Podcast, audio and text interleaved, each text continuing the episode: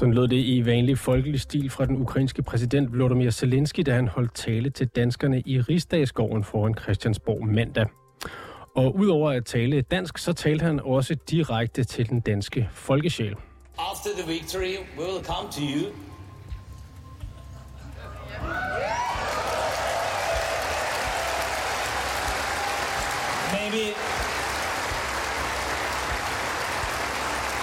Maybe it's not traditional to hear it from president, but I want to say it. Yes, we will come to you.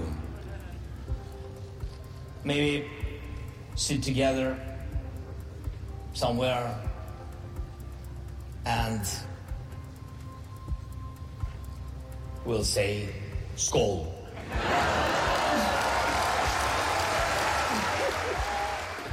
Skål lød det altså fra Volodymyr Zelensky, og det er altså langt fra første gang, at den ukrainske præsident han viser, at han formår at levere sine budskaber, så det vækker lokal genklang verden over.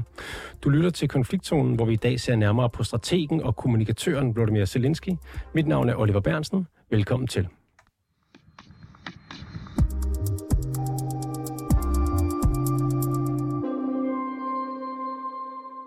Christian Søby Christensen, velkommen til programmet.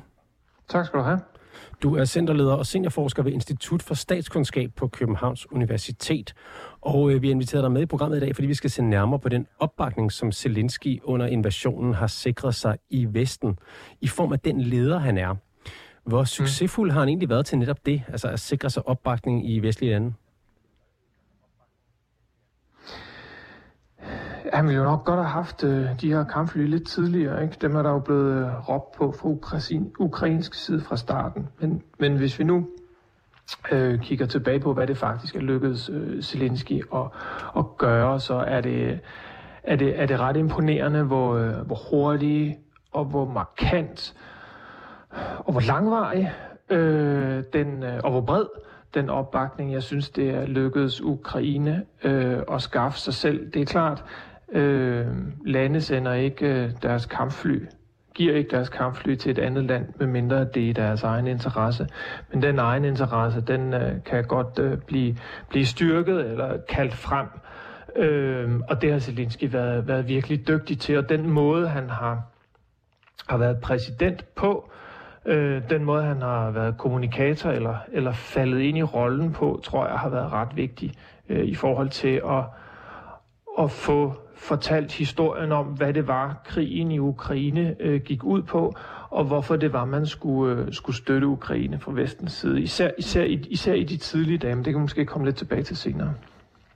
Ja, især de tidlige dage, siger du. Og et, et citat fra de tidlige dage af krigen, det lyder sådan her, jeg har ikke brug for, jeg har brug for ammunition, ikke et lift.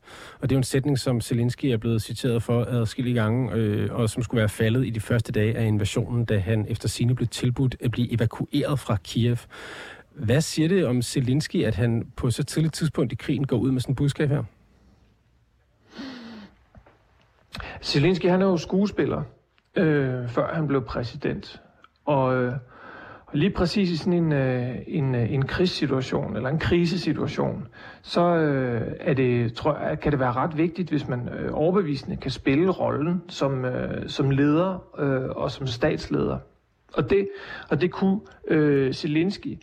Øh, han øh, overbevist både øh, de vestlige ledere, men også langt hen ad vejen, tror jeg, sin egen øh, befolkning, sin egen militære styrker og, øh, og den politiske elite i Kiev om, at nej, russerne skal ikke lykkes med at lave sådan et lynangreb, som får hele korthuset til at vælte, fordi Zelensky, præsidenten, lederen, bliver her og øh, og kæmper. Udover det der berømte citat med, at han ville hellere have ammunition end, end et amerikansk øh, helikopterlift, så var der jo også øh, billeder, øh, som Zelensky uploadede på sociale medier, hvor han bevæger sig rundt i Kievs gader, øh, steder, som ukrainere vil vide, hvor er henne, sådan så de ved selvsyn kunne se, at han altså blev og kæmpede. Og det var også i de, i de netter øh, tilbage i øh, slutningen af februar, at vi ser Zelensky i, i den her, øh, hvad hedder det, grønne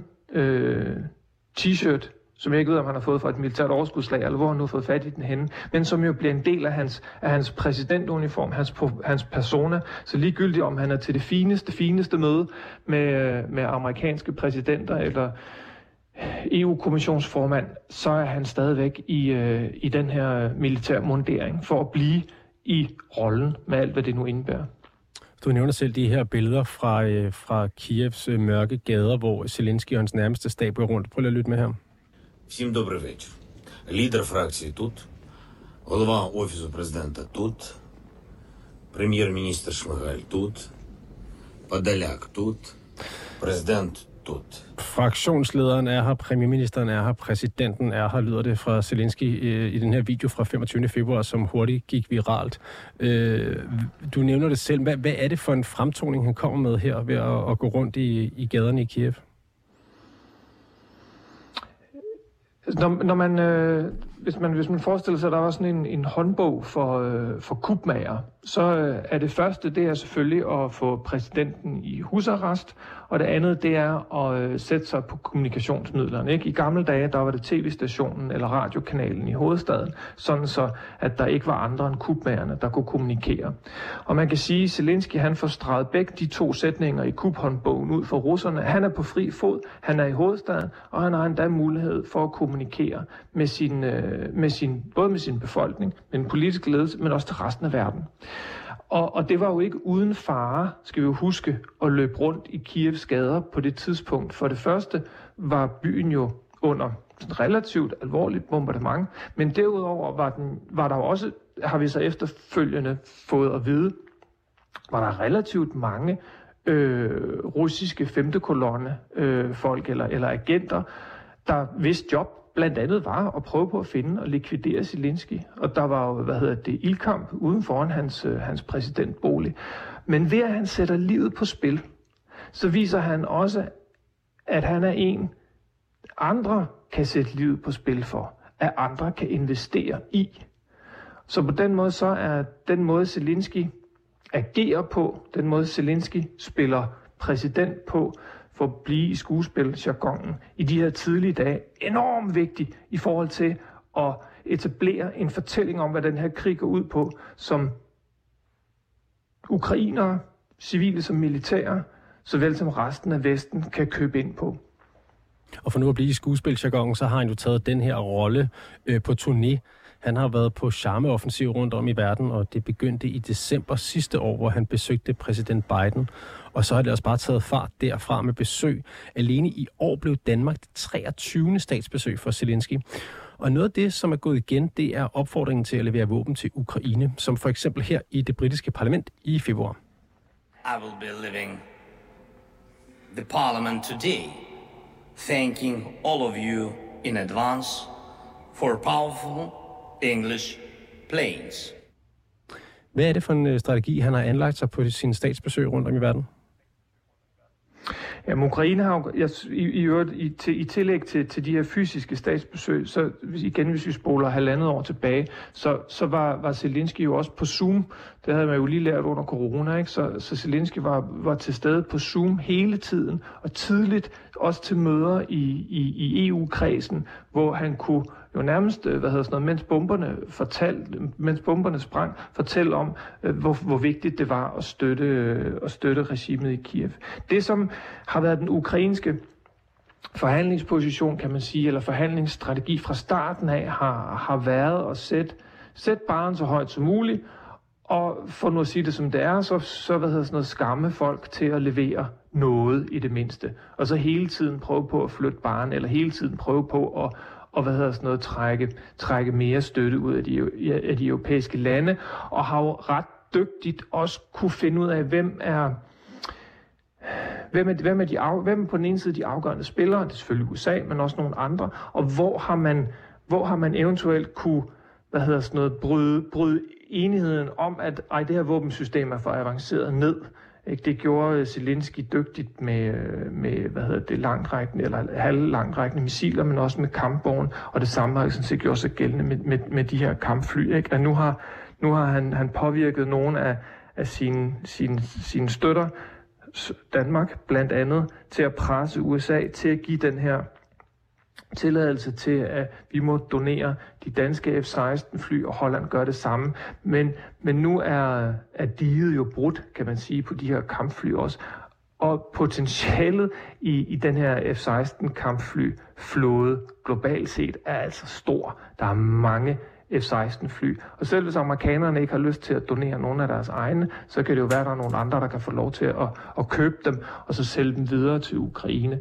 Så, så hvad hedder det, på den måde så har, har, har ukrainerne med Zelensky i spidsen, det er jo ikke kun, det er jo ikke kun ham, der sidder jo nogle dygtige, nogle dygtige folk bag ham, været i stand til øh, gang på gang på gang på gang at flytte øh, grænsen for, hvor, hvor, hvor, hvor, hvor voldsom vestlig militær støtte øh, øh, man, man ville sende. Og oven i det kommer der jo også en, en, en omfattende militær styrke. Hvis man kigger, men hvis man kigger på tallene, altså, så er det, jo, det er jo mange milliarder dollars og euro, der er flyttet ind i Ukraine, siden krigen startede. Og uden den vestlige militær øh, og økonomiske støtte, så var, så var den ukrainske krigsindsats kollapset for lang tid siden. Så det er fuldstændig afgørende for, øh, for den ukrainske kamp, at øh, Zelensky og hans stab har været så dygtig til at, at skaffe og fastholde øh, den politiske opbakning. Og det er jo også det, der fra mange sider peges på som at være russernes afgørende taktik eller strategi, nemlig at i hvert fald holde krigen kørende, indtil man håber, at der er en, en amerikansk præsident, som vil se mindre velvilligt på de ukrainske ønsker, og så håber man på, at det, det vestlige sammenhold øh, vil krakelere, og støtten til Ukraine vil, øh, vil tynde ud. Du er allerede inde på det her, øh, Christian Søby, men hvor længe kan han ride på den her bølge af succes, Zelensky? Det, det tror jeg faktisk, han kan. Øh, han kan rigtig længe. Øh, og man kan sige, at den er også på en måde, øh, på en måde selvforstærkende. Øh, jo mere han bliver anerkendt som værende en, øh, en, en, et, et ikon, en historisk person, en, en dygtig leder, jo, jo mere jo mere magt får han. Så man kan sige, der er sådan en, jo mere retorisk magt får han i hvert fald. Ikke? Så der er sådan en, en, en selvforstærkende logik, logik til det. Ligesom, altså han er jo blevet en politisk rockstjerne, ikke? Øhm, og, og hvad hedder det? Man kan jo sådan sammenligne ham lidt med, tror jeg, med, med, med, med Churchill, den engelske premierminister under 2. verdenskrig, som jo også lavet en, en enormt øh, vellykket, kan man sige, lobbyindsats for at få amerikanerne til at hjælpe ham. Jeg tror ikke, det ender med amerikanske tropper i, i, i Ukraine, men på samme måde har Zelensky også lavet en, en dygtig lobbyindsats i forhold til at få international støtte, og der er enormt stor opbakning i øjeblikket øh, til ham øh, i Ukraine. Churchill var jo ikke nogen stor engelsk politiker før Øh, han blev premierminister under krigen, og det gik også relativt hurtigt ned ad bakke efter krigen igen. Og på samme måde kan det også sagtens ske med Zelensky. Men lige nu, der rider han på en bølge, som, øh, som kan føre ham langt. Christian Søby Christensen, centerleder og seniorforsker ved Institut for Statskundskab på Københavns Universitet. Mange tak, fordi du var med. Det var så let.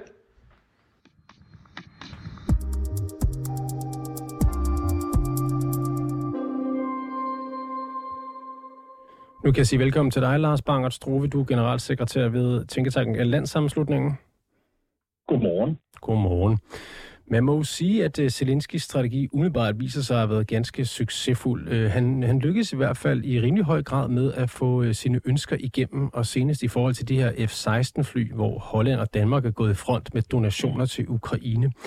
Øh, I går der talte jeg med forsvarsanalytiker H.P. Mikkelsen om, hvorvidt han vurderer, at den danske donation kan få andre vestlige lande til at følge trop med kampfly. Ja, det gør jeg. Det har vist sig i de her donationer, hvor man langsomt, øh, sådan gradvist er gået skridt op på, på hylden og taget mere avancerede våbensystemer, at det, at der er nogle lande, der går forrest og ligesom siger, at vi øh, donerer nu det og hende til våbensystem, så kommer andre lande med bagefter og siger, jamen så er det ligesom øh, så går der lidt hul, hul på bylden, og så siger man, okay, jamen, så kan vi også godt. Ja, H.P. Mikkelsen taler om, at der går hul på bylden. Jeg har også set det, en, en ketchup-effekt blive nævnt andre steder. Er det sket endnu, at der er andre lande, som er fuldt trop med Danmark og Holland? Nej, det er ikke sket endnu, og der kommer nok til at gå lidt tid, inden det sker. Altså, fordi de fleste stater i Europa og, og, og USA er er bekymrede over den sikkerhedspolitiske situation, og derfor holder man noget igen med, med, med kampfly, fordi man måske frygter, at man selv skal bruge det. Svenskerne var fuldstændig klare i deres udmelding om, at de ville ikke give griben til øh, kampfly til, til Ukraine, fordi at de var bange. De var ikke en del af NATO, så de har ikke andre til at dække sig men de var bekymrede, og, og på tilsvarende vis, hvis vi kigger på nogle af dem, der har F-16 kampfly, Norge, Polen for eksempel, jamen så er de bekymrede for, at, at øh, ikke at have nok øh, kampkraft selv, inden at, øh, inden at de, de får dem udskiftet med F-35. Så, så ketchup-effekt, eller, eller hvad vi nu kan vælge at kalde det for, det tror jeg øh, tidligst kommer om nogle måneder. Men det er et gæt. Okay. Øhm, Zelensky han tog jo videre til Grækenland øh, mandag efter sit besøg her i Danmark. Hvad, hvad har han fået lovning på dernede? Jamen, altså, han har fået lovning på, at grækerne gerne vil være med til at uddanne F-16 jægerpiloter. Og det er jo selvfølgelig første skridt på vejen i det her. Øh, men grækerne er jo bekymrede over deres naboer Tyrkiet, som de godt nok er allieret med, men som de er bange for, øh, og om de kan komme i konfrontation med. Så de tør ikke give nogen af deres øh, 150 øh, F-16-jægerfly til øh, ukrainerne endnu. Øh, så, så, så, så der øh, er han ligesom gået skuffet fra. Han har nok håbet på, at, at lige præcis at ketchup-effekten ville sætte ind, så grækerne også ville lade sig gribe og, og, og så sige, at ja, vi, øh, vi forærer sådan nogle fly. Så nu skal øh, Zelensky til at, at overveje, hvor kan man så kigge hen, hvem kan man så prøve at presse. Dem, der har flest af flyene, det er jo USA, og der tror jeg, det bliver svært på, øh, i det nuværende politiske klima, hvor vi nærmer os mere og mere en præsidentvalgkamp, hvor at, at særligt republikanere er skeptiske over for at give yderligere støtte til øh, ukrainerne. Blandt andet Norge, Portugal og Belgien, de råder også en del over en del af de her F-16-fly. Kunne de være en del af en ketchup-effekt?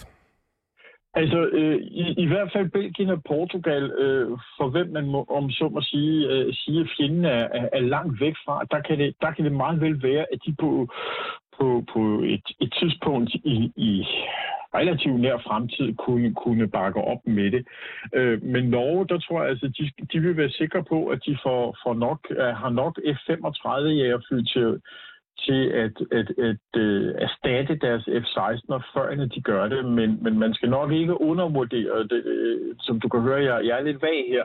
Vi skal nok ikke undervurdere det pres, der nok kommer fra Biden-administrationen til de europæiske stater i at at øh, donere F-16-kampfly, fordi der er ingen tvivl om, at, at Ukraine har brug for den kampkraft i luften for at kunne generobre Ukraine. Og det var USA, der skulle give grønt lys for, at de her F-16-donationer overhovedet kunne ske. Hvorfor gjorde de det?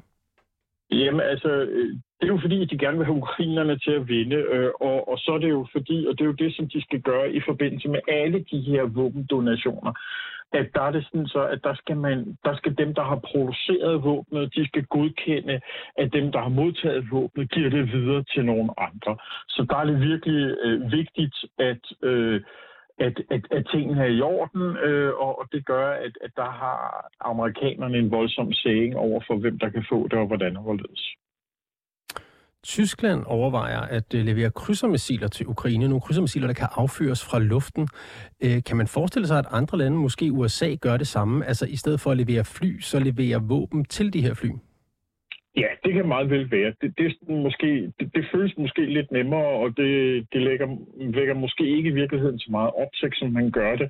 Og noget af det, som vi virkelig skal, skal, skal se nærmere på, det er jo altså, hvad er det for en bevæbning, de her F-16-fly får? Er det bare lad man kan maskinkanon, fordi så er der ikke så forfærdeligt meget, men er det, øh, hvad er det for en form for missiler, de bliver udstyret med? Øh, det afgør jo, hvilken form for kamp, at ukrainerne kan gå ind i. Får de noget, der kan slå for eksempel øh, russiske øh, jord-til-luft øh, missilsystemer i stykker, får de noget, der gør, at de kan blive gode til at lave øh, nærkampstøtte til, til, til de fremrykkende ukrainske enheder. Hvad er det egentlig for nogle våben, de får? Og der er krydsermissiler helt sikkert en, en, en del af den pakke, som ukrainerne virkelig gerne vil have fat i, for det, det gør, at de får en langt mere øh, langtrækkende kapacitet i deres, øh, i, i, i deres militære isenkamp.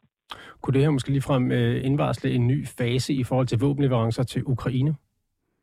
Ja, det kan det, og, og jeg tror, at noget af det, vi skal holde øje med, det bliver, hvad bliver det næste, man donerer? Øh, altså, hvis ukrainerne skal generobre Krim, så får de jo altså også brug for at have noget sømagt. Altså, så, så ser vi, at man leverer øh, øh, missiler, der kan bruges fra, fra fly imod skibe, eller fra jorden imod skibe, eller måske endda, at man forærer øh, ældre øh, skibe til ukrainerne. Det, det, det går hen og bliver ret interessant at, at følge med i. Du sagde tidligere, nu, nu snakker vi så våbenleverancer, der kunne amerikanerne godt være med, men du siger også, de er ikke så øh, forhippet på at skulle give øh, F-16-fly øh, selv til Ukraine, men vil gerne lægge pres på de europæiske lande for, at de skal gøre det. Er det ikke sådan, øh, lugter det ikke lidt af dobbeltmoral? Mm, det, det kunne man godt sige, men det lugter øh, også af, af, af, af politikerne mulige kunst. Og, og i USA, der, der er der altså en, en stigende øh, skepsis over for den øh, krigen i Ukraine. Og en lang række amerikanere er altså meget mere øh, optaget af deres øh, frygt for en, øh, en krig med Kina. Øh, vi kan øh, tænke, at det er fuldstændig vildt, og det er langt væk, men altså vi, vi hørte af at nogle af de amerikanske militære ledere talte her øh, ved, ved nytårstid, deres nytårstaler om, at de amerikanske styrker skal gøre sig klar til en, en krig med Kina fra 2025 og frem efter. Og det gør, at så skal de amerikanske våbenlager jo altså også være fyldt. Øh, og lad så endelig håbe på, at det overhovedet ikke bliver til virkelighed, men bare er, er en, en dyb bekymring i, i, i dele af det amerikanske militære system. I forhold til situationen med Kina, så øh, talte vi faktisk om, om noget lignende i gårsdagens program, hvor jeg kunne forstå på min øh, gæst, øh, Jonas Parello Plesner, at man i Taiwan er bekymret for, at krigen i Ukraine bliver glemt af Vesten, fordi det kunne opildne Kina til at lave en, en intervention i Taiwan eller invasion. Hvordan ser man på det i USA? Jamen, jeg, jeg, jeg kan godt øh, forstå Jonas' øh, øh, argument. Øh, jeg, jeg tror, at øh, Øh, øh, øh, Taiwan og øh, har været det er forkert at sige, at de er glade for, for situationen i Ukraine. Men situationen i Ukraine har vist, hvordan en mindre stat kan modstå en større stat. Øhm, og, og det gør, at de på den ene side gerne vil have, at, at der er fokus på Ukraine, øh, sådan så man kan vise, at, at store stater ikke skal angribe små stater. Og på den anden side, så er de bekymrede øh, over, hvordan at, øh, at, at, at øh, har situationen i Ukraine bortledt amerikanske politikers opmærksomhed for Taiwan. Men jeg tror, der er meget stor opmærksomhed på Taiwan, både fra, fra amerikansk og fra kinesisk side, og det kommer til at gå hen og blive til et af de grimme øh, urocenter de næste par år i, i øh, i, i generelt udenrigs- og sikkerhedspolitik. Okay. Lige bare for at opsummere her til sidst, så siger du, at den her ketchup-effekt, der bliver talt om i forhold til donationer af flere kampfly til Ukraine, du siger, der går måske nogle måneder, men, men man kunne godt forestille sig en ny fase af våbenleverancer til Ukraine. Er det rigtigt forstået? Ja, det er det. Tak skal du have, Lars Banger Struve, generalsekretær for, for Atlantsammenslutningen. Velbekomme.